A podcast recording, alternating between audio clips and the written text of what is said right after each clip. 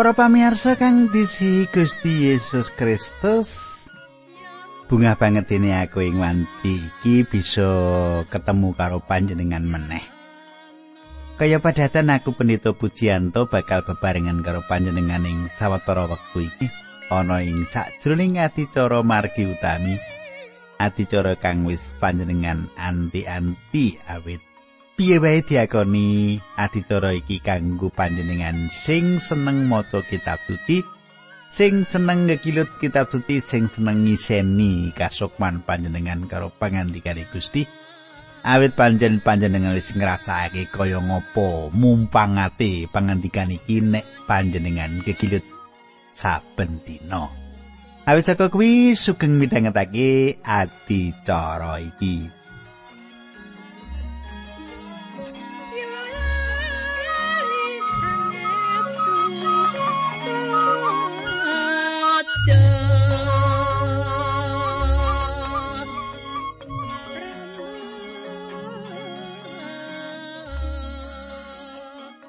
Para pamirsa tak jaluk panjenengan isih kelingan apa sing tak aturake nalika kita ketemu kepungkur.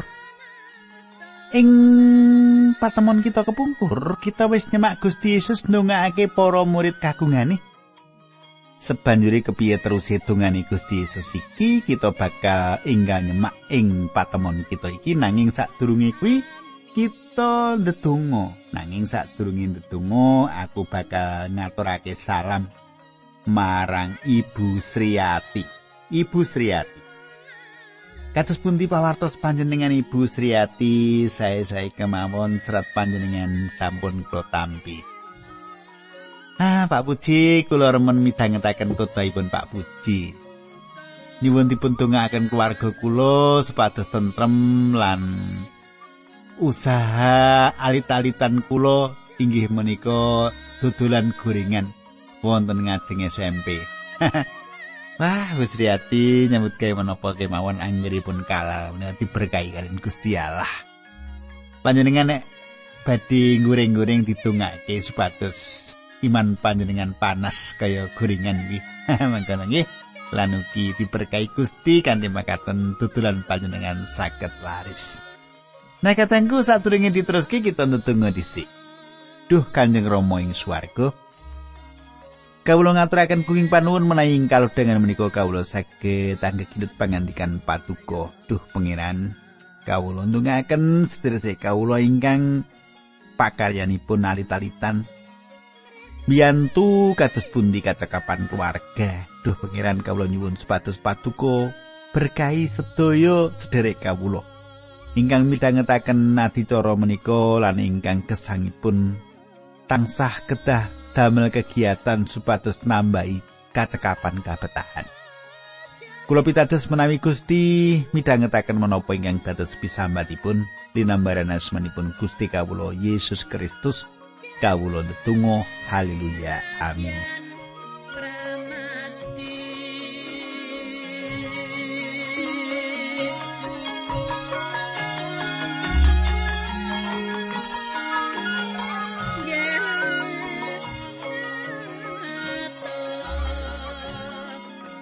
Katanggu pasinaon kita iki saiki wis ngancik ing Yohanan pitulas. Nganti tekan ayat 6 sing bakal tak waca saiki. Mengkene surasani.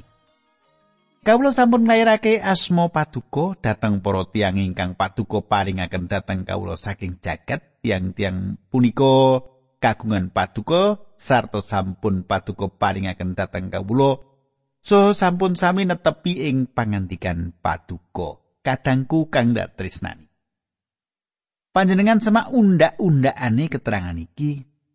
Dateng ingkang sampun paduka paringaken dateng piyambakipun. Ayat loro. Paduka paringaken dateng kawula so sampun sami netepi pangandikan paduka. Ayat 6 tiang-tiang peparing paduka. Ayat songo. Tiang-tiang peparing paduka ayat 11 paduka paringaken dumateng kawula ayat 12 kabeh iki sawijining pawan pangandikan pribadi nanging Gusti Yesus ngersakake supaya para murid ngrungokake lan mengerti perkara iki. Kita ora ngerti akeh kegayutan karo doktrin pemilihan iki awit perkara iku dumadi ing pihak Allah lan akeh perkara bab Allah kang ora kita mangerti. Endah banget tumrap kita kanggo bisa ngrungokake donga iki lan mangerti yen Gusti Yesus ana ing sisih kanane Gusti Allah lan matur marang Sang Rama gegayutan kita. Gusti Yesus Kristus matur marang Sang Rama gegayutan panjenengan ing dina iki menawa panjenengan iku dadi kagungane. Ana sesambungan kang banget asipat nggumunake antarane Gusti Yesus Kristus karo kagungane. Kaya ngapa endai sesambungan iki? Ayat pitu lan bolu. Sapunika sampun sami sumar pilih sedaya peparing paduka dhateng kawula punika pinangkanipun saking paduka. Amargi sedaya pangandika ingkang paduka paringaken dhateng kawula punika sampun kawula tampekaken dhateng tiang-tiang wau saha sampun dipun tampeni. Punapa dene sampun sami sumerep saestu bilih pinangka kawula menika saking paduka lan sami pitados bilih paduka ingkang ngutus kawula. Kadangku kang disi Gusti Yesus. Gusti Yesus wis maringake marang para murid pangandika saka Sang Rama. Apa kang diparingake Gusti iku banget dening penting. Gusti Yesus nyeksekake ing kene yen para murid percaya yen Gusti Yesus bakal bali marang Sang Rama. Ing wiwitane para murid ora ngerti tujuan anggone Gusti Yesus rawuh lan ora ngerti bab sedane lan pungune saka sedo nanging para murid wis nggayuh kemajuan kang gedhe banget ing sakjroning bebarengan karo Gusti Yesus sak suwene telung taun iku. Para murid mangerti yen panjenengan kuwi asale saka Allah lan para murid percaya yen Gusti Allah kuwi pancen ngutus panjenengani.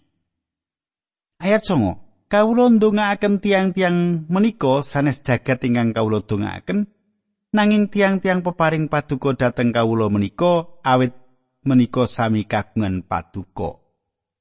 Kadangku pelayanan Gusti Yesus minangka pantoro mung kanggo umat kagungane kang ana ing jagat iki. Panjenengane ora ndedonga kanggo jagat, panjenengane sedo kanggo jagat. Panjenengane wis ngutus Sang Roh Suci ing sadurung jagat kanggo ngyakinake jagat bab dosa, kayekten lan pengadilan. Gusti Yesus Kristus ndedonga kanggo umat kagungane. Ayat 10. Lan sedaya gadahan kawula inggih kagungan paduka sarta kagungan paduka inggih gadahan kawula. Soho kawula sampun kaluhuraken wonten ing tiang-tiang menika. Kadangku tujuan utama saka keselamatan kita yaiku kanggo kaluhurane Gusti Kristus. Ayat 11. Wontene kawula sampun boten wonten ing donya malih nanging tiang-tiang menika tasih wonten ing donya.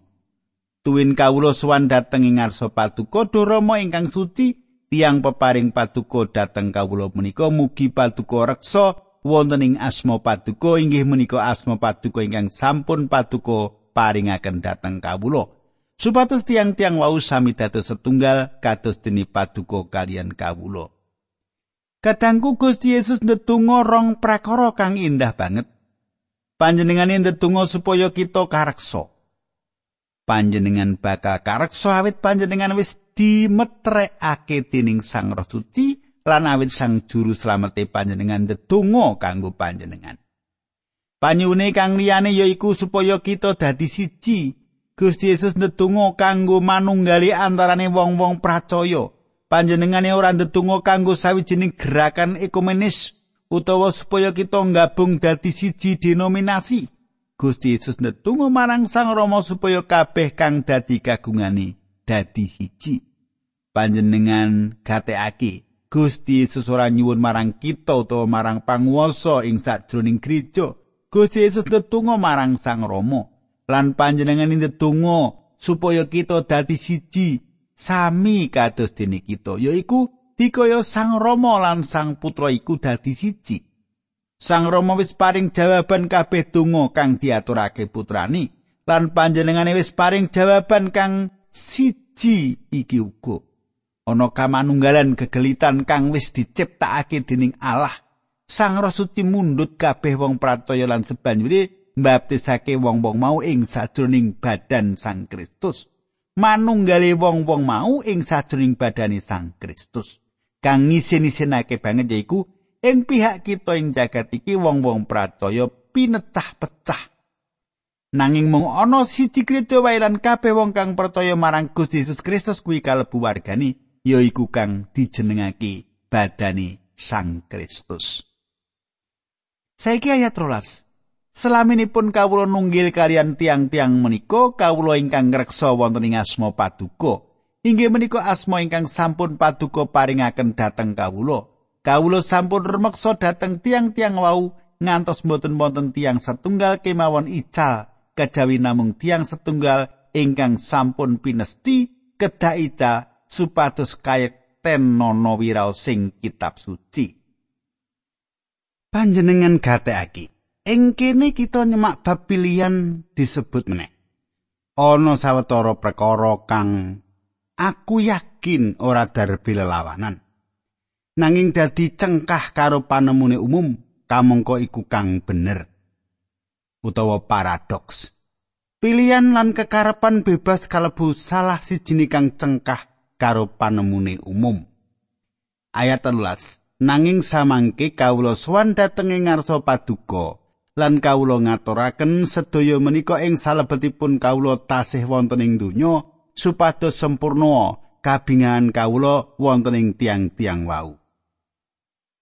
Kadangku panjenengan semak, Gusti Yesus rawuh ing sadurunging urip kita supaya kita kebak ing kabungahan, yaiku kabungahan kang dadi kagungane Gusti Allah ora ngersakake kita dadi wong-wong Kristen kang tansah merengut. ayat 14. Tiang-tiang wau sampun sami kawula sukani pangandika paduka lan sami dipun sengiti dening jagat amargi pinangkanipun boten saking jagat kados dene pinangka kawula menika inggih boten saking jagat. Kadangku, pangandikane Allah kang dadi jalaran ana masalah ing jagat ing wektu iki. Kitab suci yaiku kitab kang paling revolusioner ing jagat.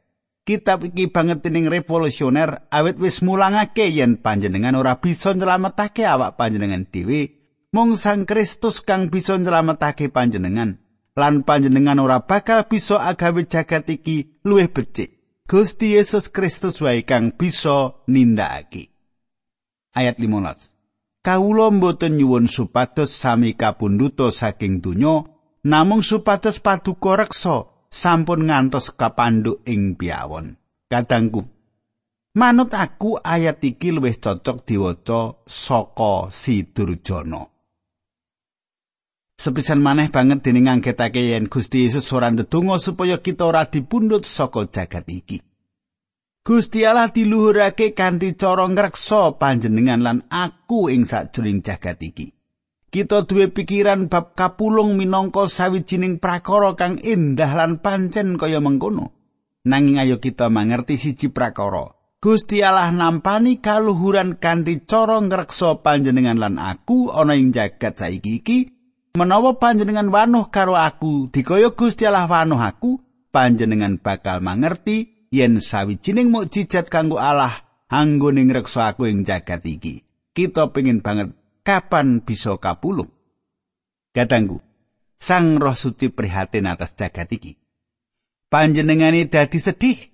Kita kudu mangsa keselan sedih nanging Gusti Yesus ndedonga ora supaya kita kapundhut saka jagat, nanging supaya kita direksa saka si durjana, si iblis. Lan aku ora bakal ana ing kene malah sak menit to menawa dudu Gusti kang wis ngreksa aku saka drujana kuwi. Rak banget dening indah to menawa kita bisa tenan-tenan mengerti wulangan iki. Kita nangis lan ngruntuh awet ngalami kangelan ana ing jagat iki. Gusti Yesus ngandikake yen pancen kahanan bakal angel. Nanging padha ditetekatimu aku wis ngalahake jagat. Yohanes 16 ayat 33. Aku rumangsa yen saben 24 jam ana swara pujian haleluya ing swarga lan para malaikat kondo nggumunake banget yen pujian to isih kareksa. Sejatine luwih gampang kapulung saka jagat nanging pancen sawijining mukjizat yen dheweke kuwi kareksa ana ing jagat. Menawa kita bisa sinau kegayutan perkara iki, mula kita bakal diparingi kapisan kanggo betah ngadepi masalah lan kahanan kang menet uga kangelan lan coban kita. Gusti Yesus wis paring janji bakal ngreksa kita ing jagat iki lan ngayomi kita saka si durjana. Ayat 16. Pinangkanipun tiang-tiang menika mboten saking jagat. Kados dene pinangka kawula menika inggih mboten saking jagat. Kadangku tambah kita mengerti perkara iki. Mula bakal tambah ganep kita nindakake kersane sakwutuhe lan bakal nggayuh apa kang dadi tujuan panjenengan. Ayat 17, mugi sami paduka sucikaken ing salebeting kayektosan pangandika paduka inggih menika kayektosan. Kadangku. Sucikake ateges dipisahake. Wong-wong percaya asale ora saka jagat iki. Wong-wong mau dipisahake. Keterangan saka ayat kang tak waca mau nuduhake marang tugas lan dudu marang pribadi kang nindakake Perkara iku gegayutan karo janji tugas kang kudu dileksanani. Wong-wong pracaya dipisahake secara mligi dening pangandikane Allah. Lire pangandikane Allah meratelake penggalihe Allah. Nalika panjenengan maos pangandikane Allah, panjenengan dituntun supaya misahake badan panjenengan, supaya panjenengan nindakake pelayanan kang mligi. Kita bisa lati Gusti Yesus mung manawa kita wanuh pangandikan lan bangun turut marang pangandikan mau. Ayat 18 lan 19 kados dene paduka sampun ngutus kawula dhateng ing jagat maka tenugi kawula inggih kengkenan tiang-tiang menika dhateng jagat sarta kawula nucakaken badan kawula kangge tiang-tiang menika supados ugi sami kasucikna wonten ing kayektosan kadangku kita wis diutus menyang ing jagat iki supaya kita dadi seksi Gusti Yesus agawe sarirane dimligekake kanggo madhakake sarirane karo kita lan kita kudu padha karo panjenengane ing sakjroning jagat iki. Ayat 20 lan boten namung kangge tiang-tiang menika kemawon anggen kawula ndedonga nanging ugi kangge tiang-tiang ingkang pitados dhateng kawula margi saking piwulangipun. Kadangku kang dak tresnani panjenengan gatekake ing kene Gusti Yesus lagi menggalihake panjenengan lan aku. Saiki, pirang-pirang abad sawise lelakon kuwi, kita mengerti yen Imam Agung kita lagi ndedonga kanggo kita. Seneng ya? kita didongake karo Imam Agung kita saben dina. Tak terus kaya jelikur. Supados sedayanipun sami dados setunggal kados dene paduka Duh Rama wonten ing kawula sarta kawula wonten ing paduka supados inggih sami dadosa setunggal kalian paduka lan kawula supados jagat pitadosa bilih paduka ingkang ngutus kawula Kadangku donga iki wis dijawab gereja yaiku sawijining kamanunggalan gegelitan wong-wong percaya iku dadi siji ing sakjroning Sang Kristus awit gereja yaiku badan siji nalika wong dosa percaya marang Gusti Yesus wong dosa mau mlebu ana ing sajroning badane Sang Kristus. Menawa wong-wong pracaya siap kanggo nuduhake kamanunggalane iku ing jagat, jagat tentu bakal luwih kadudut marang Sang Kristus. Kakean jagat nyawang wong-wong pracaya sengit sinengitan. Bisa uga iki dadi salah siji sebab kenapa wong-wong jagat iki ora gelem nampa Gusti Yesus Kristus. Tatroske ayat 23 nganti 23. Lan kawula sampun nyukakaken kamulyan ingkang paduka paringaken dhateng kawula. Dateng tiang-tiang menika supados sami dados setunggal kados dene paduka kalian kawula inggih dados setunggal. Kawula wonten ing tiang-tiang menika sarta paduka wonten ing kawula supados sampurna anggenipun dados setunggal sarta supados jagat sumerpa bilih paduka ingkang sampun ngutus kawula saha bilih tiang menika sami paduka kasihi kados dene anggen paduka ngasihi kawula. Sumitraku kawula wonten ing tiang-tiang menika sarta paduka wonten ing kawula. Kaya ngapa endahi katangku mung sang roh Allah kang bisa ngganepi perkara iki. kamanunggalan kang ana antarane Sang Rama lan Sang Putra yaiku kamanunggalan kang dumadi antarane wong-wong percaya karo Gusti Yesus Kristus. Kawula lan paduka tresnani tiang-tiang menika sami kalian paduka tresnani kawula ateges Gusti Allah tresnani panjenengan dikaya panjenengane tresnani Gusti Yesus Kristus. Prakara iki ora mlebu akal kita kanggo mengerti. Ayat 24. Duh Rama, ingkang dados pikajeng kawula, kawula wonten ing pundi kemawon tiang-tiang menika tansah nunggila kalian kawula inggih menika tiang-tiang ingkang sampun paduka paringaken dhateng kawula punika supados sami nyawang dhateng kamulyan kawula peparing paduka. Sumitraku. Duwe patunggalan kang sempurna karo panjenengane yaiku kang diwestani swarga. Aku yakin saiki tujuane Gusti Allah nitahake manungsa supaya ana patunggilan. Ana makhluk-makhluk liyane ing jagat raya lan ing bumi iki nanging Gusti Allah nitahake manungsa dadi makhluk kang karo manungsa iki Gusti Allah bisa tetunggalan. Gusti Allah nitahake manungsa kanthi kekarepan kang bebas, kehendak bebas. Lan sinadan manungsa wis dosa, Gusti Allah tetep ngersakake anane patunggilan kuwi. Swarga bakal dadi sawijining kang banget dening indah lan banget dening penting ing ngendi kabeh wedhus-wedhuse Allah ana ing kono bebarengan karo panjenengani. Saben kita duwe bagian lan guna mupangat. Nyawang kaluhuran Gusti Yesus Kristus bakal dadi kalegan kang dhuwur dhewe kanggone wong-wong pracaya. Nabi Musa nyuwun supaya ndeleng kaluhurane Allah. Filipus nyuwun supaya ketemu karo Sang Rama. Panjenengan bayangake apa kang bakal dumati nalika kita ana ing pangayunane pangeran lan nyawang kapenuan kaluhurani. Ayat selawi.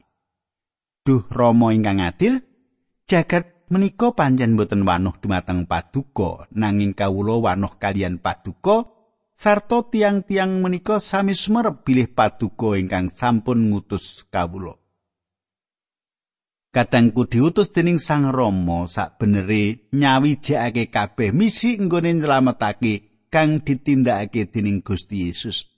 Saben wong kang pracaya mangerti yen Sang Rama wis ngutus panjenengane supaya sedo kanggo dosa kita. Ayat 16. Punapa dene asma paduka sampun kawula sumerpaken dhateng tiang-tiang menika sarta inggih badhe kawula sumerpaken supados ingkang paduka paringaken dhateng kawula menika wonten ing tiang-tiang menika sarta kawula inggih wonten ing tiang-tiang menika. Sedulurku kang dak tresnani perkara kang pungkasan kang dingendikake Gusti Yesus iku katresnane bakal ana ing sajroning ati lan urip kita. Kita akeh ngandhakake kegayutan karo sih rahmat lan kegayutan karo iman. Nanging pepinginan kang gedhe saka manahe Gusti Yesus yaiku katresnane kudu dipratelakake ing sajroning uripe wong-wong kang wis ditebus dening panjenengani. Ya iki kang kudu agawe kita sujud ana ing ngarsane sepiro akeh katresnane kang dipratelake ana ing uripe panjenengan.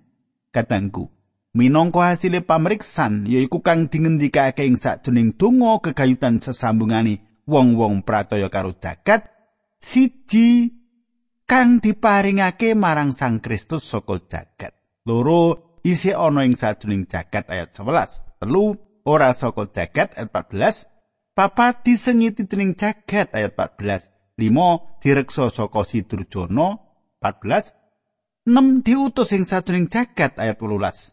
7 dipratelake ing sajroning kamanunggalan ing ngarepe jagat ayat 23. Iki panyuwune Sang Kristus kanggo umat kang dadi kagungane. Siji pangreksa ayat 11, loro kabungan kapenuan Sang Roh ayat 13. Telu kauwalan saka ing ayat 15 papat dipisahke kanggo dimligakake sucekno ayat 17 5 kamanunggalan utawa dadi siji ayat 21 6 patunggalan bebarengan karo aku ayat 24 pitu kalegan deleng kaluhuranku ayat 24 kadangku Gusti Yesus Kristus iku imam agung kita ing perjanjian lawas. Imam agung nganggo efod kang endah lan kebak kamulyan kang disambungake karo tutup bau loro lan dipasangi sesotya loro kang ditulisi jeneng-jenenge talar Israel dadi pangiling-iling. Iki meratilake kegayutan karo kekuatan dan panguwasa kang diduwai Imam Agung. Ibrani pitu ayat selawe. Mulane panjenengane uga saged mitulungi rahayu kalawan sampurno marang saking wong kang suwane ngarsane Gusti Allah lumantar panjenengane jalaran panjenengane gesang ing salawase perlu jumeneng dadi pantarane wong-wong mau. Kadangku panjenengan eling tutup dodo saka Imam Agung iki kagawe saka rolas watu mulya kang diatur telung baris, saben baris patang lajur ing dadane, saben watu iku ana jenenge talan Israel Nalika Imam Agung sowan pangayunane Allah nganggo tutup dodo kuwi, dheweke dadi gambaran bab Gusti Yesus Kristus kang ana ing sisih kanane Allah lan ndedonga kanggo kita.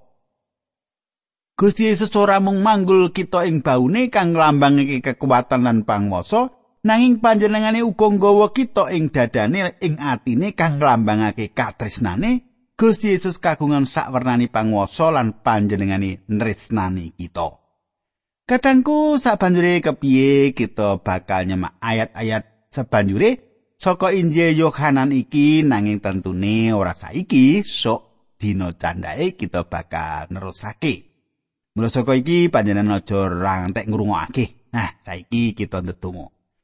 Duh Kanjeng Rama ing swarga kawula ngaturaken kuing panuwun menawi kawula saged midhangetaken kayektosan saking pangandikan paduka kawula pasrahaken gesang kawula wonten ing asta paduka linambaran asmanipun Gusti Yesus Kristus kawula tetunggal haleluya